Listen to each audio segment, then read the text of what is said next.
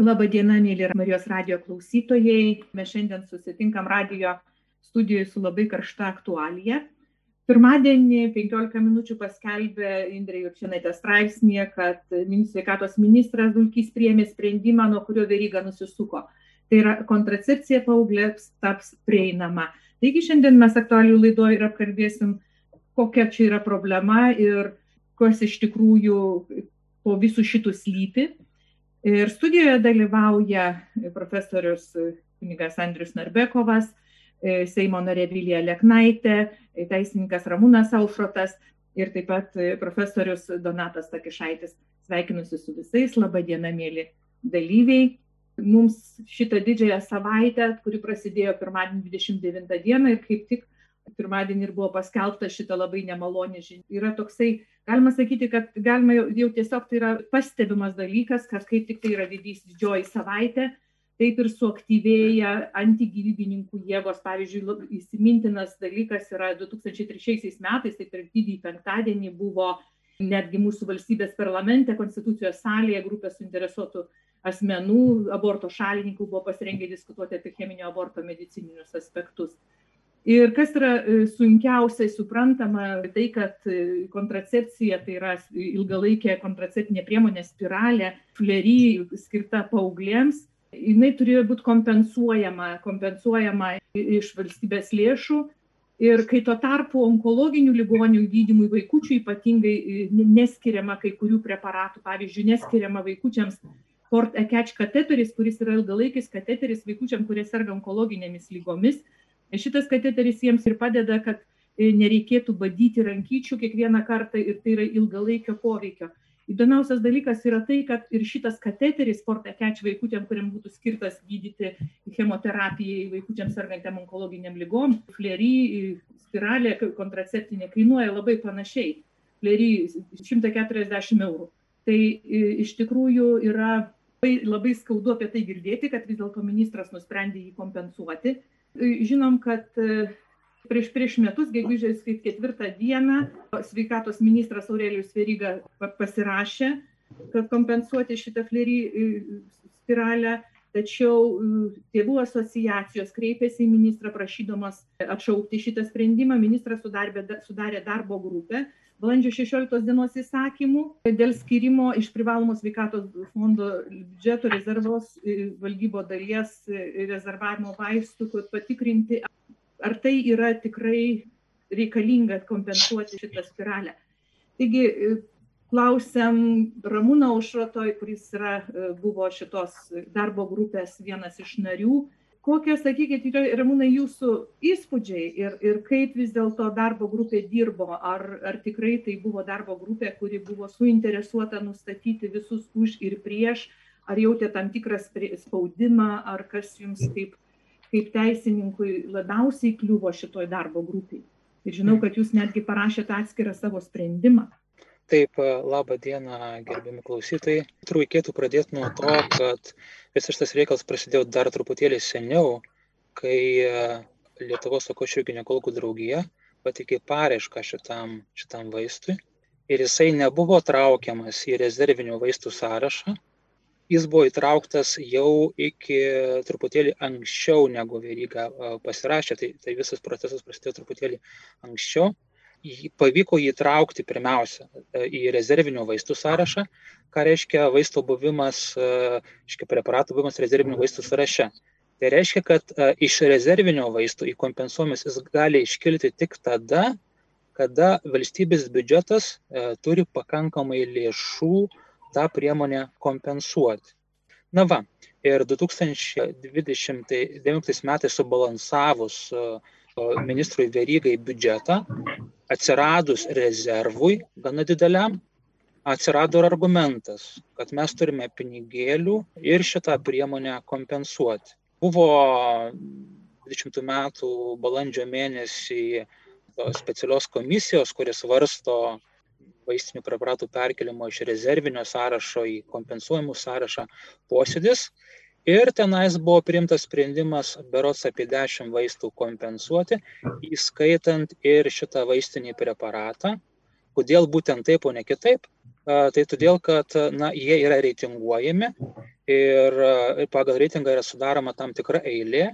Šitas preparatas nu, nebuvo viršuje, jis buvo kažkur tai per vidurį, bet buvo nuspręsta įtraukti iš to 12 berots 11, tarp jų pateko ir šitas, vienas vaistinis preparatas nepateko. Na vat, ir a, tada a, tik tais komisijos a, įsiskyrė nuomonės, ar tikrai, vat, kaip Birutė sako, ar mes tikrai turime pinigėlių šitam dalykui kompensuoti, kai neturime kitiems dalykams kompensuoti.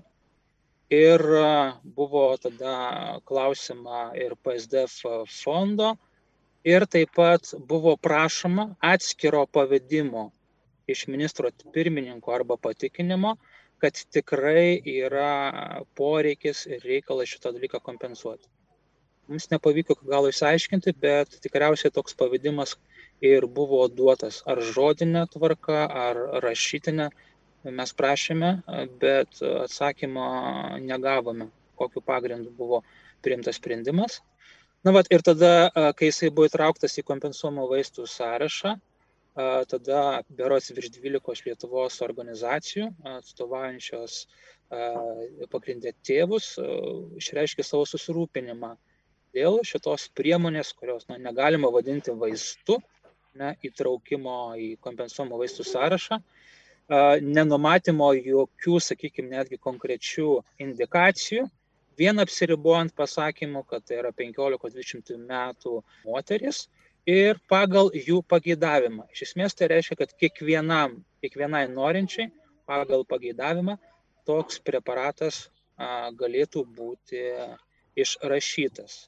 Na ir aišku, šitas organizacijų pareiškimas ir taip pat kilęs žiniasklaida ažiotažas na, privertė tuometinį ministrą Aurelių Vyrygą sudaryti darbo grupę. Na va, ir čia prasideda darbo grupės istorija, kuri iš tikrųjų labai yra įdomi ir kuri leidžia tam tikras išvadas daryti apie tai, kaip buvo darbas organizuojamas. Pirmiausia, nors darbo grupė buvo sudaryta rūpiučio 23 dieną ir turėjo iki gruodžio pabaigos faktiškai priimti sprendimą, posėdžiai nevyko. Pirmasis posėdis įvyko tik tai spalio 13 dieną, reiškia praėjus dviem dienoms po rinkimų, kada buvo jau aišku, kad dabartinis ministras nueis ir ateis naujas ministras. Tai vienas momentėlis. E, dabar, e, kitaip tariant, e, buvo pradėta organizuoti darbo grupės posėdžius tarpu valdžių, kai jau vienam ministrui neberūpi, o kitas dar nėra atėjęs ir ne, kad yra atėjęs, ne, nėra susipažinęs su tais reikalais, kuriais vyksta. Geriausia įvairias machinacijas daryti arba prastuminėti dalykus būtent vat, tokio tarpuvaldžio laikotarpio. Ir iš tikrųjų, dirbdami darbo grupėje ir po to, kai mes priėmėm sprendimą du asmenys. Tai aš ir ponia Iliuta Pakelienė, kuri atstovavo Nacionalinę šeimų ir tėvų asociaciją, pasitraukti iš darbo grupės ir parašėme pareiškimą, taip, dar įrašėme gruodžio 9 dieną Aurelijui Verygai, o jau po to rašėme savo poziciją, kur grindėme, kodėl mes nesutinkame su to vaistinio preparato įtraukimu, jau jį rašėme po, ponui naujam ministrui Dulkiui.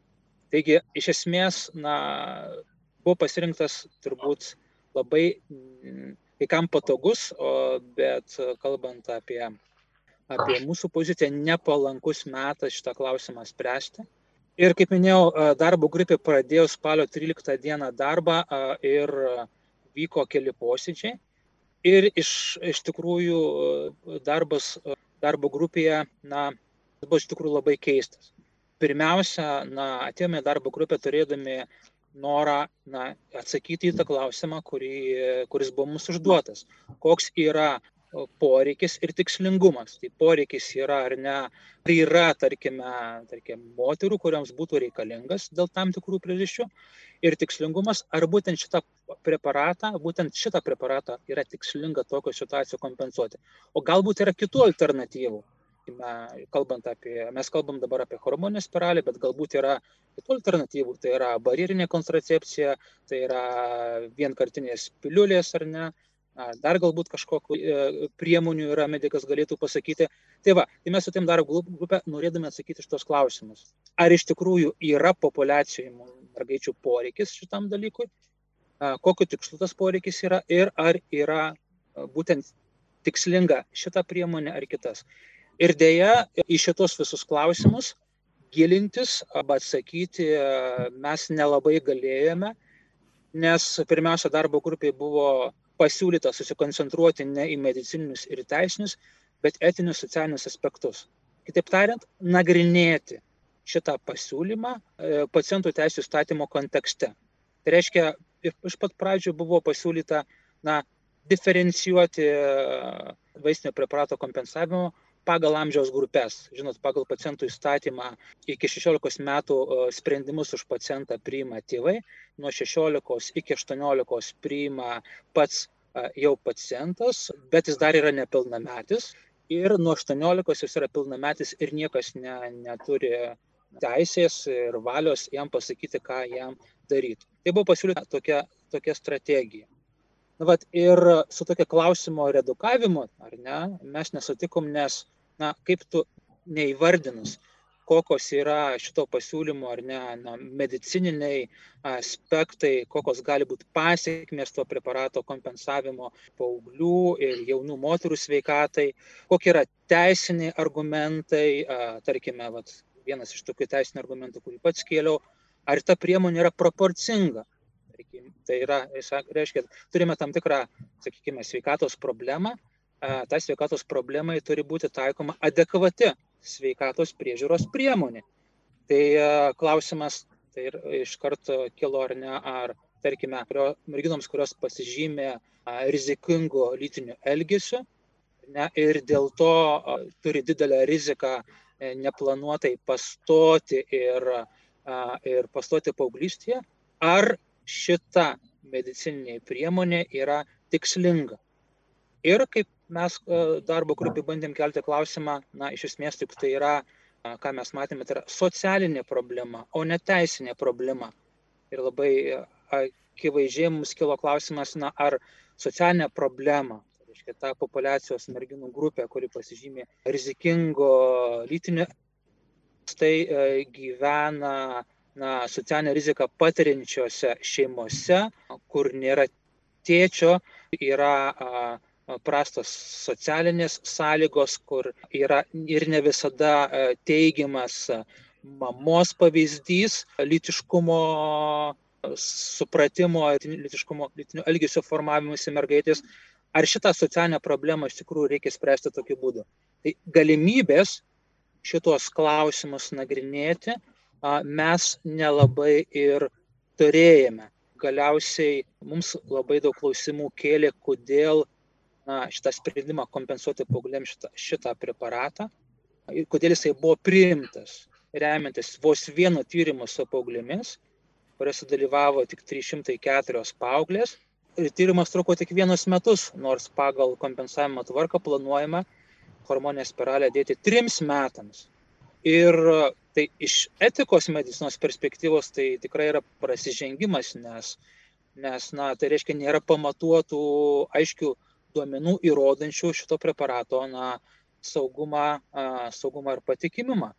Ir akivaizdu, kad na, taip pat iš tyrus dokumentus, kuriuos gavome, susipažinome darbo grupės metu, mums aiškiai matėsi, kad na, čia iš esmės de facto bus, esant tik vienam tyrimui ir tai ne ribotos apimties e, ir riboto laikotarpio sprendimas kompensuoti šitą vaistinį preparatą bus nekas kita kaip realiai de facto toks klinikinio tyrimo su Lietuvos mergaitėmis vykdymas. Ir galiausiai pagrindinis dalykas, kuris, kuris na, sukėlė mums labai didelę nuostabą, kad na, visgi sprendžiant apie tai, ar, ar kompensuoti ar nekompensuoti, ar įtraukti iš rezervinio į kompensuojamą vaistų sąrašą, mes sprendžiame iš tikrųjų pagal vaistinio preparato a, vertinimą, a, tai terapinės vertės toks yra vertinimas. Ir tame protokole, kuris, kuriame yra analizuojamas to preparato vertinimas, jo veiksmingumas, iš tikrųjų buvo užuodinta dalis, netgi viešai, tai turi būti prieinama viešai tas, tas vertinimo protokolas, viešai pateiktame protokole buvo užuodinta dalis, kai as, asmeniškai paprašėme atsiųsti protokolą be užjuodintos dalies, jame buvo juodant baltą parašyta, kad, kad tyrimas, tas mano minėtas vienintelis tyrimas, kuris buvo darytas, neleidžia daryti patikimų išvadų apie kontracepcijos veiksmingumą. Tai kitaip tariant, pats tyrimas, vienintelis tyrimas, pabrėžiu, kuriuo remiantis buvo siūloma kompensuoti šitą preparatą mergaitėms, jisai buvo įvardintas kaip nepatikimas. Tai reiškia, neturime nei vieno tyrimo, kuris pagrįstų, jog galima a, patikimai, tarkim, tą preparatą a, skirti paauglėms. Ir nepaisant to, nepaisant to, ministras visgi priėmė sprendimą, kad šitą nepatikimą vaistinį preparatą mes turėtume paauglėms kompensuoti. Aš jau nekalbu, birutė, apie tai, apie, tarkime, socialinės pasiekmes, nekalbu apie pasiekmes valstybės socialiniai politikai, ką tai reiškia toks įtraukimas į vai, kompensuojamų vaistų sąrašą preparato, kuris nėra vaistas. Čia yra daug kitų dalykų, bet kalbant, kalbu konkrečiai apie šitą vieną aspektą. Galiausiai, na, taip apibendrinant turbūt patį darbą darbo grupėje ar ne, realiai, nors buvo mūsų klausima, ar kompensuoti ar ne, mums leido darbo grupėje atsakyti į klausimą tik kokiomis sąlygomis kompensuoti. Tai natūralu, kad mes nesutikome su tokio darbo grupės organizavimu ir iš darbo grupės pasitraukime ir pateikėme savo atskirąją nuomonę e, dabartiniam sveikatos apsaugos ministrui, kuris, kaip galima spręsti žiniasklaidos, nusprendė laikytis daugumos, tai tos likusios darbo grupės išreikštos pozicijos. Tai ačiū labai, bet tai, tai apibendrinant visą tai galima sutikti, kad sakyti, kad ta darbo grupė daugiau imitavo veiklą, negu iš tikrųjų atsakė į klausimą, kuris buvo svarbus. Tai va, ta, čia turbūt biurotė tai... pagrindinis akcentas. Tiek ponia Juleta, tiek aš ilgainiui supratome, kad mūsų dalyvavimas toje darbo grupėje yra reikalingas ne tam, kad išsiaiškinti, ar tikslinga ar netikslinga šitą vaistinį preparatą kompensuoti, ar yra poreikis ar nėra poreikis, o apie poreikį dar reikėtų turbūt atskirai kalbėti, bet tam, kad legitimuoti norimą padaryti sprendimą. Ir todėl mums neliko jokios kitos išties, kaip pasakyti, kad mes nedalyvaujame šito sprendimo priimime, kuris yra režisuojamas. Ta dalyką ir padarėme. Beje, už tai susilaukime kaip organizacijos, Laisvos visuomenės institutas ir nacionalinė šeimų ar tėvų asociacija, susilaukime net tarptautinio persiekimo.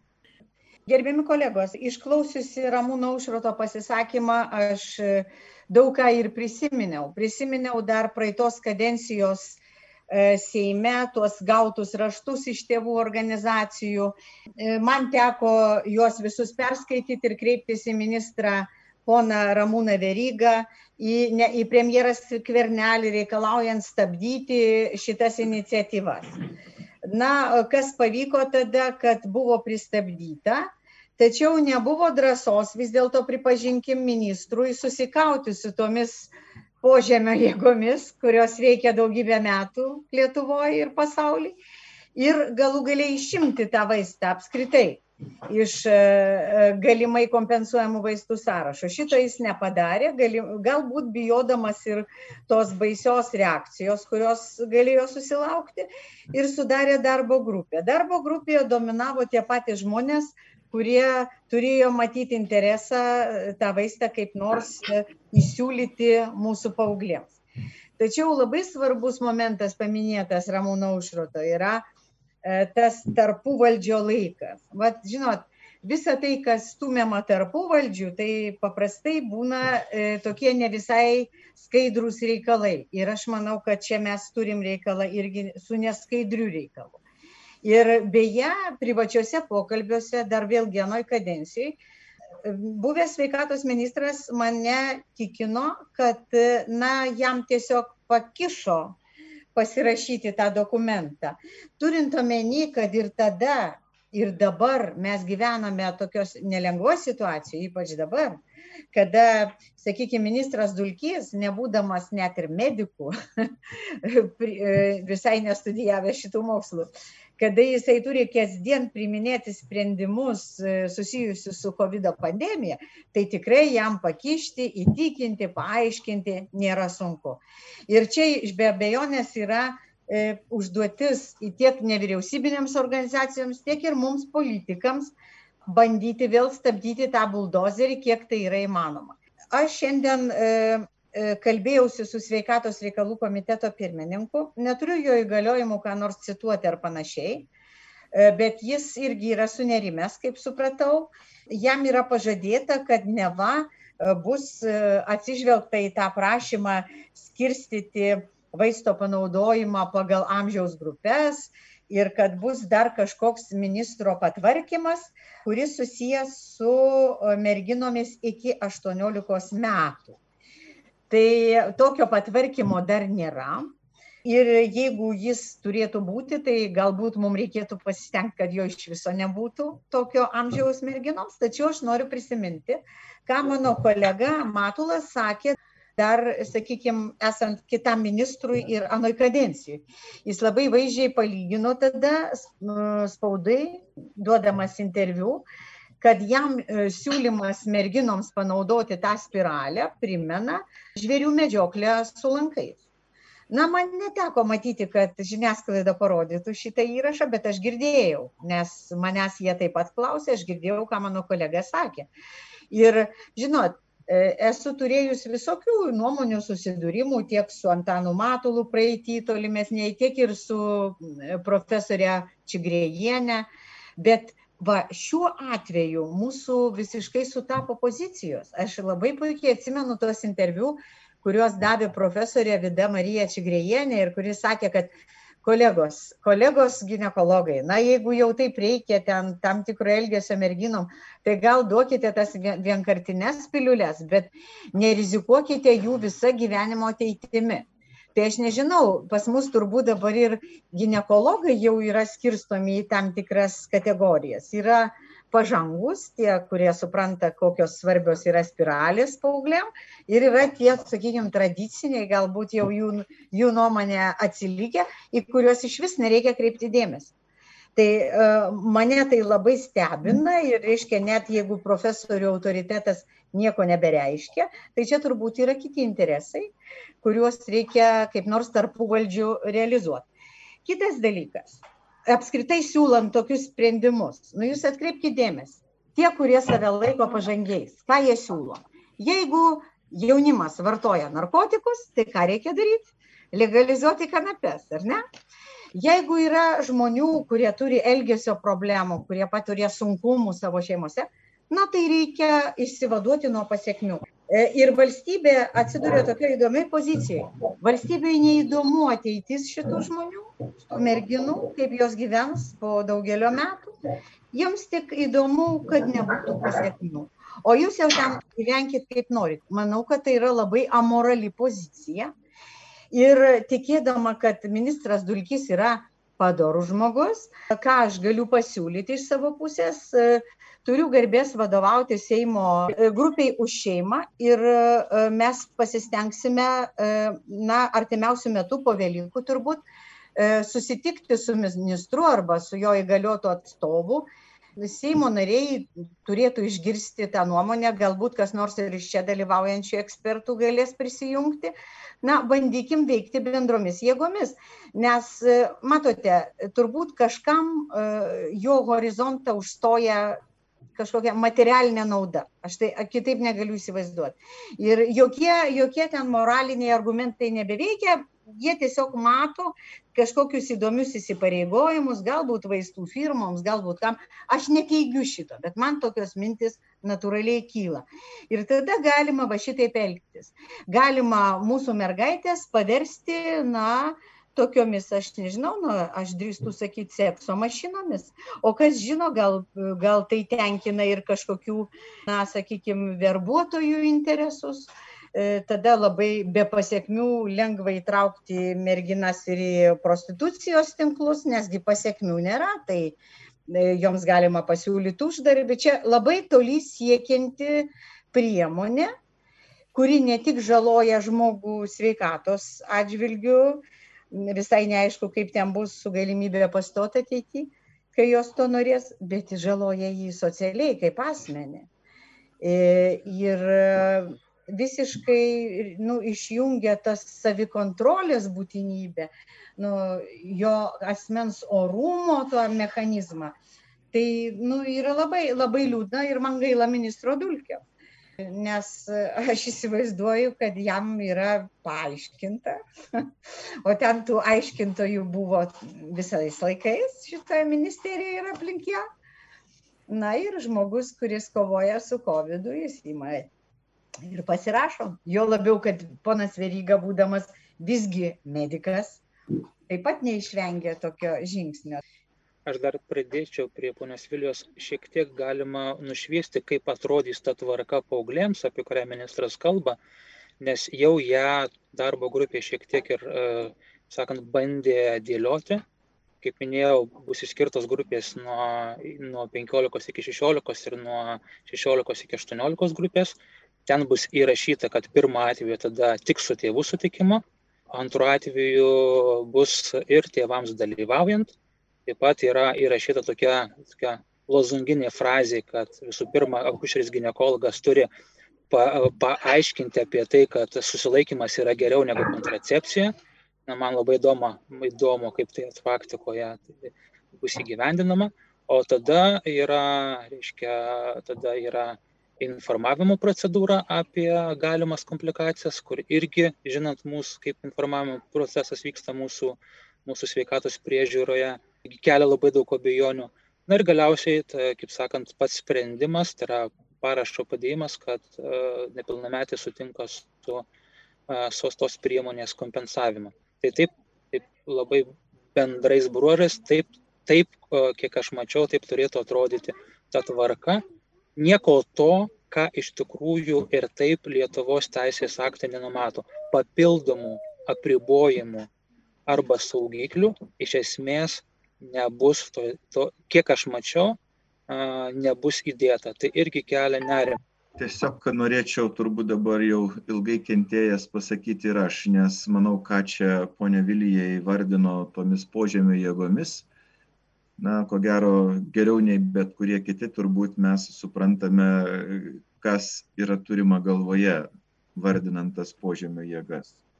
Labai liūdna ir apgailėtina, kad mes tą turime daryti per didžiąją savaitę, vietoj to, kad galėtumėm perkratyti, kaip sakoma, savo sąžinės ir pasiruošti prisikelimo iškilmiai. Jo labiau apgailėtina yra tai, kad e, tiek daug buvo lūkesčių ir vilčių, jog e, didžioji dabar dauguma ir, ir, ir vyriausybė ir Seimas e, turėtų sužydęs įvairiom spalvom atnešti labai gerų vaisių, bet kaip mes matome, vaisiai yra apgailėtini. Jau pačią pirmąją didžiosios savaitės dieną mes sužinome apie pasirašytą dokumentą, kuris E, turės labai skaudžias pasiekmes. Iš tikrųjų, medį pažinsi iš vaisių. Tai noriu tiesiog pamatyti reakciją ir tų žmonių, kurie nuoširdžiai tikėjosi, kad tais vaisiais galės pasidžiaugti. Iš tiesų, ką mes dabar kalbame, mes kalbam apie baisius dalykus. Drįstu įvardinti tą žodį katastrofiškus, todėl kad viskas prasideda nuo to didžiojo melo Visų pirma, mes čia nekalbam apie kontraceptinę priemonę. Mes čia kalbam apie priemonę, kuri sukelia abortą.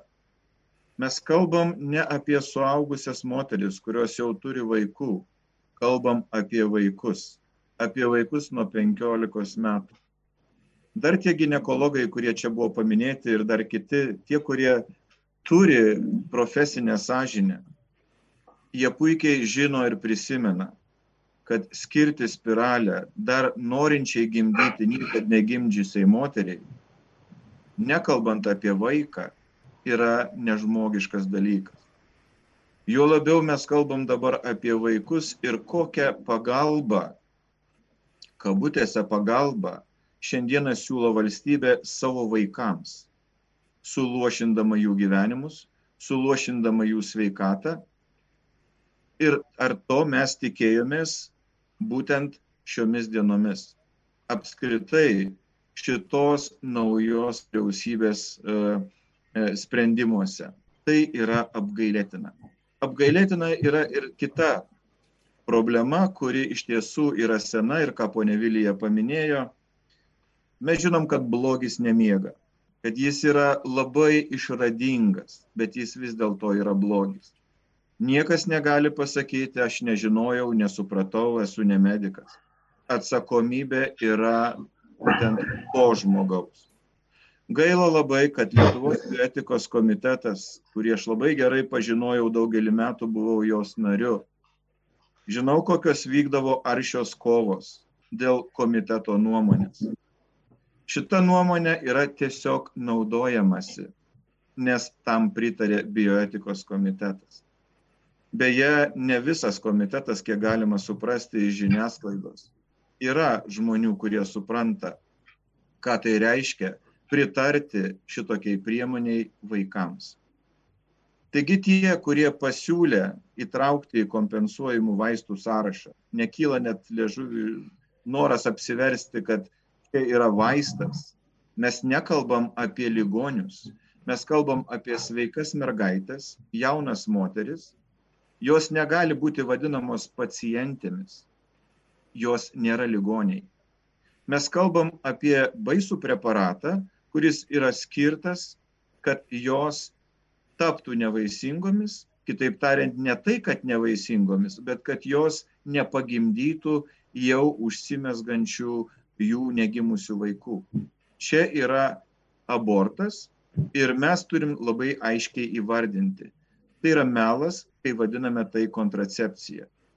Ir štai akušerių gynekologų draugija, nežinau, kas tai yra per draugiją, e, kas sudaro jos daugumą, bet būti jos nariu reikėtų prisimti taip pat moralinę atsakomybę. Tai yra institucija, kaip ją mes be pavadinsim, jos vardiklis labai aiškus. Jie turėtų būti pirmiausiai už sveikatą, už vaisingumą. Tai tie patys, kurie dabar siūlo kontraceptinės priemonės, nepaslaptis, kad tai yra pelningas rytis, Jie daro abortus ir jie dabar iš tų mergaičių ir jaunų moterų sukurs armiją nevaisingų moterų ateityje. Bet jiegi yra už tai, kad reikia siūlyti jiems pagalbą ir dirbtinį apvaisinimą. Ir vėl kompensuojama iš mūsų mokesčių mokėtojų pinigų.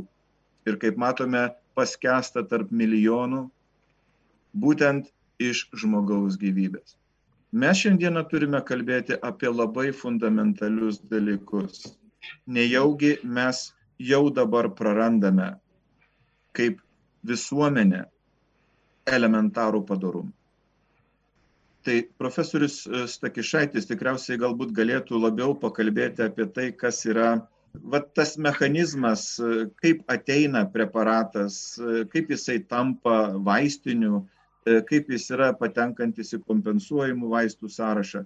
Manau, kad jūs, profesoriau, turite patirties, e, kaip tai vyksta ir kokias jūs problemas čia matote dabar. Tai kadangi čia yra toks e, pagrindinis klausimas kompensavimo klausimas, tai galbūt pradėsiu taip, kad yra nustatyta, kad kompensavimo tas procesas turi būti pilnai skaidrus ir turi būti pagrystas labai racionaliai tie, tie sprendimai. Ir tas pagrystumas tų sprendimų turi būti labai aiškus. Ir taip pat sprendžiant tuos klausimus turi būti visada galimybė tuos klausimus persvarstyti naujoj šviesoj, kad nekiltų jokių abejonių. Dabar kaip vienas iš čia kalbėsių Ramūnas paminėjo, kad buvo sukurta darbo grupė ministro ir jiem nebuvo leista nagrinėti medicininių klausimų. Tai kompensuojant tas e, priemonės, kaip šitą yra, tai negalima neiš, nu, aps, apeiti tokius medicinių klausimų, nes kompensavimo, kada yra sprendžiami klausimai, tai pirmiausia yra nagrinėjama gydimo racionalumas, gydimo pigumas, taip pat socialinės visokios pasiekmes ir saugumas veiksmingumas. Dabar taip pat turi būti labai išsamei išnagrinėti farmakoterapiniai, klinikinių tyrimų duomenys ir tie farmakoekonominiai duomenys.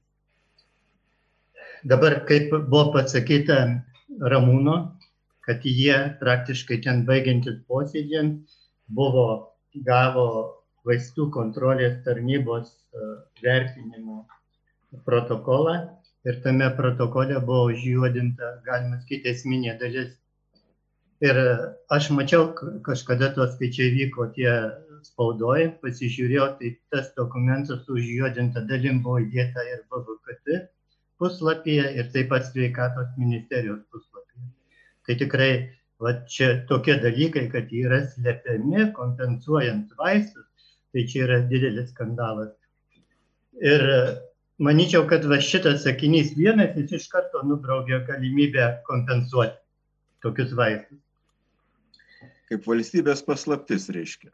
Nu, tokie neturėtų būti dalykai. Ir čia, jeigu taip galvot, kad, tarkim, nu, buvo tas rėmelis patamsintas, pajuodintas, paskui jie padarė kopiją ir tą kopiją, kai jau padarė, tai tas nesimatė Bet čia garantuotai, mano nuomonė, yra specialiai daryta, kad to nebūtų matyti. Nes šiandien galime padaryti skenuojant PDF failus ir jokių čia problemų nėra. Tai kaip tarnyba gali tokius dalykus dėti, tai yra tikrai labai įdomu. Ir kaip profesoriau, jie vis tik tais pagrindžia tą kaip gydimą, nes čia mes kalbam apie vaistą, čia yra visiškas nesusipratimas. Ką ne, tai, jie gydo, Kas tai per pacientės? Pagal teisės aktus kontraceptinės priemonės, jos gali būti vaistas arba gali būti kaip medicininė priemonė. Tai čia pagal tuos vertinimus jisai atitiktų.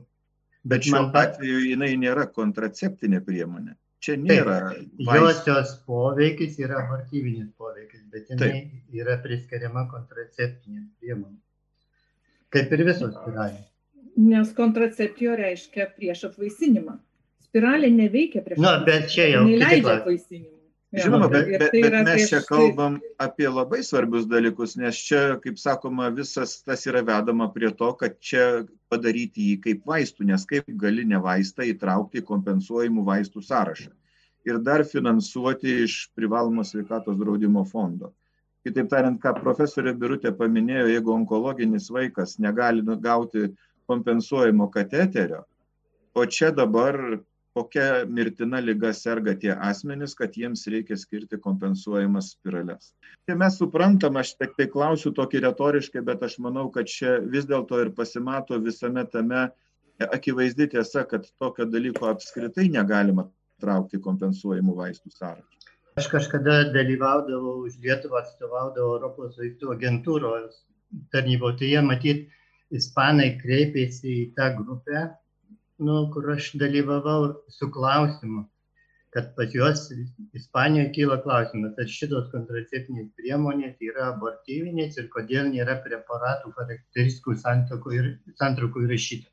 Tai buvo labai trumpai vienu sakiniu parašyta, taip jos yra abortyvinės ir čia nėra kitų jokių svarstymų. Bet profesoriau, bet profesoriau Donatai, mes nuo to turėtumėm dabar atsispirti tolimesniai mūsų diskusijoje, todėl kad jeigu tai yra abortą sukelianti priemonė ir apie tai nėra moteris informuojamos, aš jau dabar nekalbu čia apie vaikus ir jų tėvus, tai reiškia mes elgiamės pagal blogą klinikinę praktiką. Turėtų būti ta savoka mums gerai žinoma geros klinikinės praktikos. Tai jeigu moteris, mes turim praktiką su suaugusio moterim ir spiralė nėra naujas išradimas. E, jos labai nustebdavo sužinojusios, kad iš tiesų tai nėra kontraceptinė priemonė ir jeigu jos gyvena e, aktyvų litinį gyvenimą, jos praranda savo negimusius vaikus, nes iki įsitvirtinimo gimdoje arba jau įsitvirtinus gimdoj spiralė neleidžia toliau vystytis jau embrionui, tai mes turim labai aišku vertinimą. Ir moraliniu požiūriu, manyčiau, kad čia yra labai svarbu. Aš įsivaizduoju, kad moteris, kuriai sako, jeigu jūs nenorite daryti aborto, mes siūlom jum priemonę kontraceptinę spiralę, tai mes visi žinom puikiai, kad, na, kitoks svoris yra kontracepcijos tikros, kai neįvyksta apvaisinimas ir tada, kada mes jau darome abortą ir nužudom negimusi vaiką. Tai mes dabar kalbam apie labai esminį dalyką. Tai čia visur vyksta akivaizdus melavimas, pristatoma kaip kontraceptinė priemonė ir dar kaip vaistas. Tai va čia reikia visą tai kalbėti labai atvirų tekstu. E, jo labiau tie patys akušeriai gynekologai, jie aiškina, na čia negali paneigti to, kad hormoninė spiralė yra viena efektyviausių ir saugiausių priemonių siekiant išvengti neštumo. Bet tai mes kalbam apie amžiaus grupę ne apie moteris, kurios turi daug vaikų ir kurios jau nebenori gimdyti, bet kalbam apie vaikus, apie jų suluošintus gyvenimus. Jo labiau e, Seimo narė Vilija užsiminė ir apie labai svarbų aspektą, kurį, manau, keliais sakiniais reikėtų paliesti. Jeigu tai yra vaikai, kurie gyvena litinį gyvenimą, klausimas, su kuo jie gyvena litinį gyvenimą. Akušerių gynekologui visiškai nesvarbu įdedant spiralę, bet ar tai nėra užmaskavimas kitos bėdos, nes mes kalbam apie vaikus, su kuriais tai vyksta. Gal profesorė Birutė, jūs čia, kad nors pasakytumėt šito? Kaip priminti kodeksą, kurio remiantis mergaitės iki 16 metų neturi teisės duoti leidimo lytiniam, lytiniam santykiam. Visiškai nesvarbu nuo to, jeigu jų partneris yra e, pilnametis, jis yra baudžiamas, nes tai yra kriminalinis nusikaltimas, visiškai nesvarbu, kad mergaitė pati sutiko ar nesutiko. Tai yra iki 16 metų pagal baudžiamąjį kodeksą. Tai yra vienas dalykas. O kalba eina, kad ir 15 metams. Vadinasi, gynekologai privalo, jie turi turėti pareigą pranešti vaikų teisės apsaugos tarnybai, jeigu ateina mergaitė, pradėjusi aktyvų lytinį gyvenimą, kas yra jos partneris. Aišku, ne gynekologų reikalas tai yra įsiaiškinti, jų reikalas yra pranešti. Įsiaiškinti turi vaikų teisų apsaugos tarnyba, todėl kad vaikų teisų apsaugos įstatymė yra numatyta ir seksualinė taip pat prievarta arba seksualinis išnaudojimas. Ir, tai, ką jūs dabar, tai ką jūs dabar profesorė kalbat ir kodėl dabar visuomenė taip yra paskendusi diskusijose apie smurtą prieš moteris.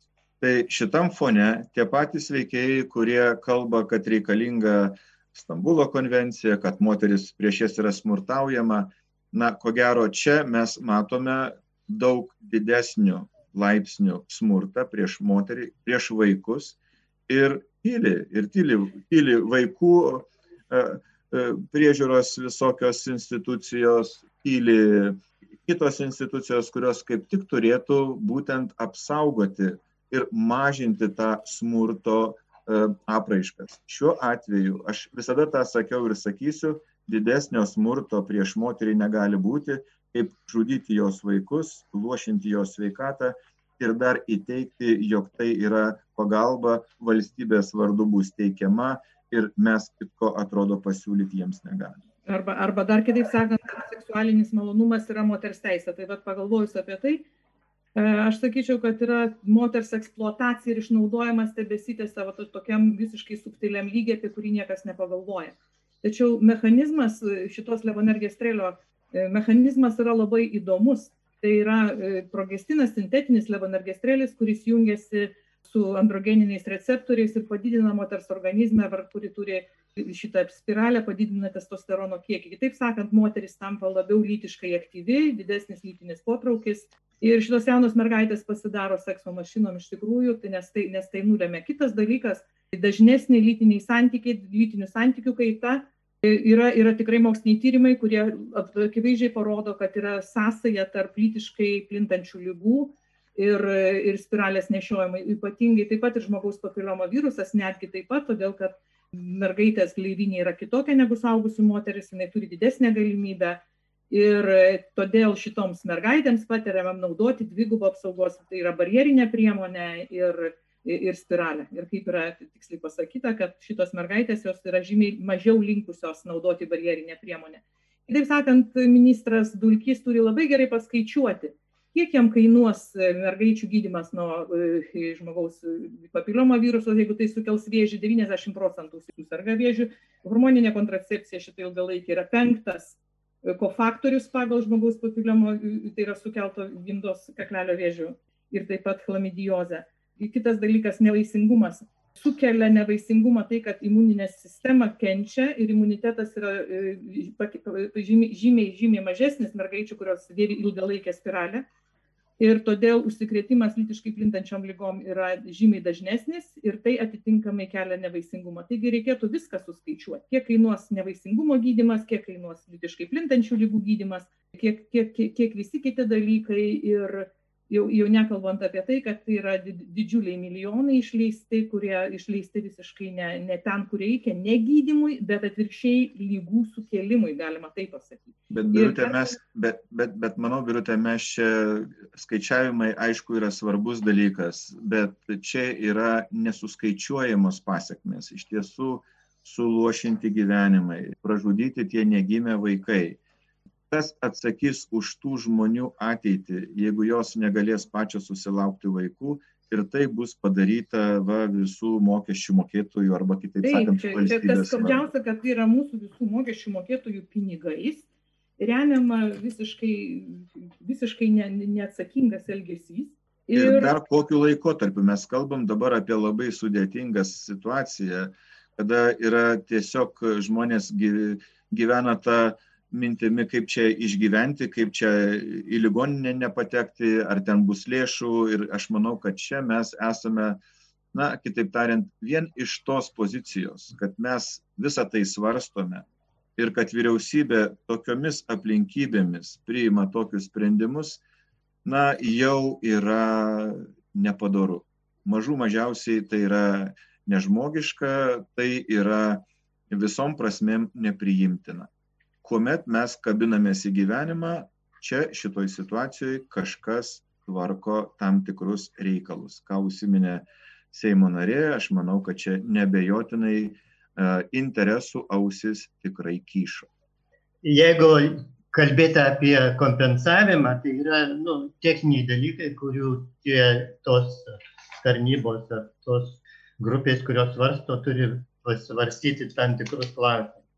Ir mes turime VVKT siūlomo įrašyti kompensavimo sąrašus vaistinio preparatų terapinės vertės nustatymo protokolą. Tai tame protokole yra daug dalykų, kurie nurodo, kad pavyzdžiui yra tirta duodami du protokolai - saugusių moterų tyrimai ir mergaičių. Mergaičių klinikinis tyrimas yra labai mažos apimties ir tame protokole taip pat nurodyta, kad yra labai daug trūkumų šitą. Dabar aš galiu pasakyti, kaip e, maždaug e, šitas buvo pradėtas svarstyti Europos vaistų agentūroje. Aš dalyvavau pediatriniai grupiai ir tenai buvo švedų planuotos tėvystės, kokia ten yra organizacija ir jie klausė, ar galima būtų atlikti kurioje nors Europos šaly klinikinį tyrimą, šitą kontracepcijų tyrimą su vaikais. Tai buvo klausimi visi aplinkui, visų šalių atstovai, pavyzdžiui, toks e, Švedijos atstovas kad jų, jų valstybei tokio dalyko klinikinio tyrimo atlikti neįmanoma. Ir todėl galime suprasti, kodėl šitas klinikinis tyrimas kažkur buvo atliktas Azijos šalyse, apimtis jo yra maža, įtrauktų tų mergaičių skaičius yra labai toks įdomus, net kitom ten įvairi kita kontracepcija, bet kas įdomiausia, kad 30 procentų protokole nurodyta, kad e, kai kiekvienai dalyviai buvo nurodyta, kad jie turės taip pat e, naudoti ir prezervatyvų. Visiškai yra nesuprantama, kaip gali naudoti tokį tyrimą ir dar kartu siūlyti, kad naudotų kitą kontraceptinę priemonę, o paskui vertinti jo veiksmingumą. Todėl visiškai aišku, kad šitas tyrimas yra nepakankamas. Dabar kaip Lietuvoje to galėjo preparatas būti registruotas? Tai dažniausiai būna, aš tiksliai nežinau, bet savitarpio pripažinimo procedūra, tarkim, Švedija pateikia tą paraišką, pas juos yra registruota ir tada vertina kitos šalys. Tai aš kai Lietuvoje žinau, tai daugiausia, dažniausiai tie atvejai, jeigu pateikia kažkokia šalis, tai laukiama, praeinama laikas ir ji nevertinama net ir automatiškai užsiregistruoja. Aš manyčiau, kad Lietuvoje tai tas ir buvo toks atvejis, nors yra labai tokių svarbių dalykų, kurie turėtų kelti tarnybą. Dabar kompensavimas, kas yra. Yra duomenys tik vienas, vieni metai naudojami. Jie naudos tri metai. Dabar, kada jie vertina tą farmakoekonominę naudą, neturi būti esminių trūkumų, o tų esminių trūkumų čia yra pilna. Dabar, pavyzdžiui, yra 16 procentų mergaičių nutraukė tyrimą dėl nepageidaujamų reakcijų. 42 procentai jom reikėjo gydymo specialaus dėl nepageidavimų reakcijų. E, dabar jom rasta mergaitėm padidėjusios. Dabar preparatų koncentracija kraujyje yra papras, didesnė negu paprastai su suaugusio moterimi. Ir preparatų charakteristikų santraukoje nurodoma, kad tai manoma, kad ne, tai neturės žalos. Tai tokie dalykai neturėtų būti. Ir va šitos dalykus visus galima vertinti kaip tikrai esminius ir tad, kada pildo ta kompensavimo komisija protokolus, tai jie turi vertinti tuos dalykus. Ir vienas iš dalykų yra, kada yra esminiai trūkumai, iš karto atpuola preparatų kompensavimas. Aiškiai matosi, kad šitų dalykų jie nevertina. Arba jeigu tuos tris balus turėtų duoti, ką mes matėm puslapiuose įdėta, tai tikrai jie tų dalykų visiškai nevertina. Na, mes puikiai matom, profesoriau, kad čia vis dėlto yra tam tikrų interesų grupės, kurios e, jiems nesvarbu yra bendra tvarka, bet jeigu bus politinė valia, e, bus vienaip, jeigu bus kitokia politinė valia, bus kitaip. Tai aš manau, kad čia vėlgi tik tai reikia tikėtis, kad galbūt atsikvošės tie, kurie nesuprato, ką jie padarė. Na, būtų gerai, kad čia būtų šitas variantas, kad jie nežino, ką jie daro. Tai būtų geras variantas, bet e, tikėtina, kad yra tas blogesnis variantas. Žino ir daro, nepaisant to, kad visuomenės reakcija tikrai nebus palanki, jeigu iš tiesų visuomenė supras, kas čia įvyko arba kas čia vyks. Dar viena pastaba turėtų būti tokia, kad labai įdomus spaudoje kaip yra paskelbta, kad bus dvi grupės kompensuojamos. Vienos 18-20, kitos mergaitės nuo 15 iki 17. Tai kaip ministras gali pasirašyti tokį kompensavimą mergaitėm, jeigu nėra žinoma tvarka. Ir toks susidaro vaizdas, kad bus atliekamas klinikinis tyrimas tarkim, dabar kaip stebėjimų klinikiniai tyrimai. Kaip mes sakėme anksčiau, ES ne vienoje šalyje su vaikais nebūtų galima tikti. Tai mano toks įspūdis susidaro, kad čia bus apeinama, bus gaunamas sutikimas, ligoniai stebimi, bus tyriama ir kompanija taip atliks klinikinį tyrimą stebėjimo ir už tai mokės mūsų ministerija. Kada visus klinikinius tyrimus turi kompensuoti kompaniją, kurios naudojamas preparatas ir kurios ir taip pat apmokėjimas tiem, kurie tą klinikinį tyrimą. Šitoje vietoje pas mus apmoka kompanijai josios tyrimus ministerija už mūsų pinigus. Dabar kitas dalykas, kur yra suaugusios 18-20. Kompensavimo protokolė turi būti labai stipriai pagrįsta, kodėl naudojama būtent šitas o ne kitas preparatas kitos kompanijos. Prancūzijos agentūra įvertino šitą ir pasakyta jos jūs išvadai.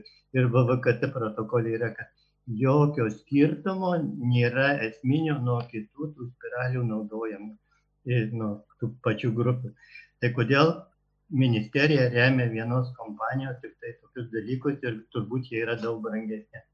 Na, žinoma, mes čia galime daryti toliau einančias išvadas, kad vis dėlto tos e, jėgos kažkurios, grįžtų prie ponios Aleknaitės, tos požemio jėgos labai gerai žino, ką jos čia daro. Panašu, kad čia yra kažkokia korupcija, aš manyčiau, kad taip yra. Nes čia normaliai tai nu, tikrai yra daug klausimų, bet jeigu juos net komisijoje neleidžia svarstyti, įstumia. Ir būtų įdomu pamatyti tų posėdžių protokolus įrašas. Jo, tai tikrai mūsų laida eina į pabaigą, man atrodo, kad mes jau čia vis aptarti dalykų dar tikrai liko, tikrai dar liko tikrai daug ką. Tačiau mes turim nepamiršti, kokia yra šiandien savaitė šitą ir kiek, kiek, kiek turim skirti dėmesio ir kitiems dalykams.